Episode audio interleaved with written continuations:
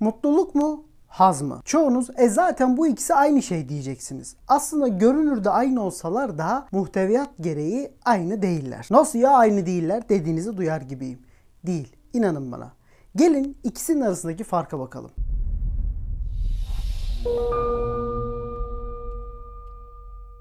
Haz, hoşumuza giden bir şeyin bizde uyandırdığı duygu, hoşlandığımız duygu demek yani. Mutluluksa bütün özlemlere, isteklere eksiksiz ve sürekli olarak erişebilmenin vermiş olduğu kıvanç demek. Yani haz kısa süreli, mutluluksa süreklilik arz eden duygudur. Neden böyle bir girizgah yaptığımı merak ediyorsunuzdur. E tabi videonun başlığı da farklı olunca kafalar biraz karıştı. Sizinle bugün dertleşmek istediğim konu şu.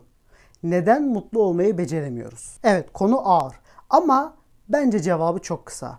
Çünkü hazla mutluluğu birbirine karıştırıyoruz. Modern diye tarif ettiğimiz bu çağın insanı olan bizler mutluluğu maddiyata indirgemiş durumdayız. Güzellik, yakışıklılık, araba, boğaz manzaralı bir ev, dolgun maaş, lüks yerlerde tatil. Yani mutluluğu maalesef ki paraya indirgemiş durumdayız. Ne kadar da acı bir durum. Zira parayla saadetin olması çok da mümkün değil. Parayla bir ev satın alabilirsiniz ama bir yuva alamazsınız. Parayla saat satın alabilirsiniz ama zaman alamazsınız. Parayla güzel bir yatak satın alabilirsiniz ama uyku alamazsınız. Parayla yemek alabilirsiniz, karnınızı doyurabilirsiniz ama afiyet alamazsınız. Veyahut parayla bir doktor da satın alabilirsiniz ama sağlık alamazsınız. Eminim ki bu cümleleri daha önce de duydunuz. İlk duyulduğunda kulağa çok sıradan gelen bu cümleler aslında öyle sıradan değil. Derinlemesine manalar içeren cümleler. Hani çok param olsa hiçbir derdim kalmazdı sözü var ya. Ha işte o söze ve o düşünceye bu cümlelerin ışığında bakın şimdi. Para elbette ki iyi yemenize, güzel evlerde oturmanıza, kaliteli kıyafetler giymenize yarayabilir. Para öyle çok da melanet bir durum değil.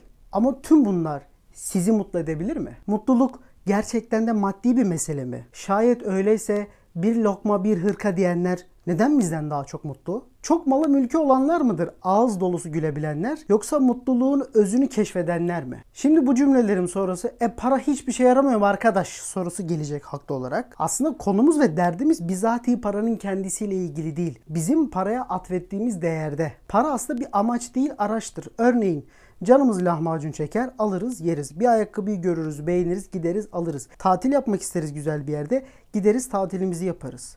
Lahmacun bittiğinde, başka bir ayakkabı gördüğümüzde, tatilimiz sona erdiğimizde iş biter. Mutluymuş gibi görünebiliriz ama aslında mutluluk değildir, hazdır. Demek ki neymiş? Bizi mutlu eden para değilmiş. Bizi mutlu edecek şey düşüncelerimiz, fikirlerimiz, eylemlerimiz, yaptıklarımız, yapmadıklarımız. Bir tebessüm, belki de birkaç damla gözyaşı parayla geçici mutluluk diye adlandırdığımız hazları yaşayabiliriz.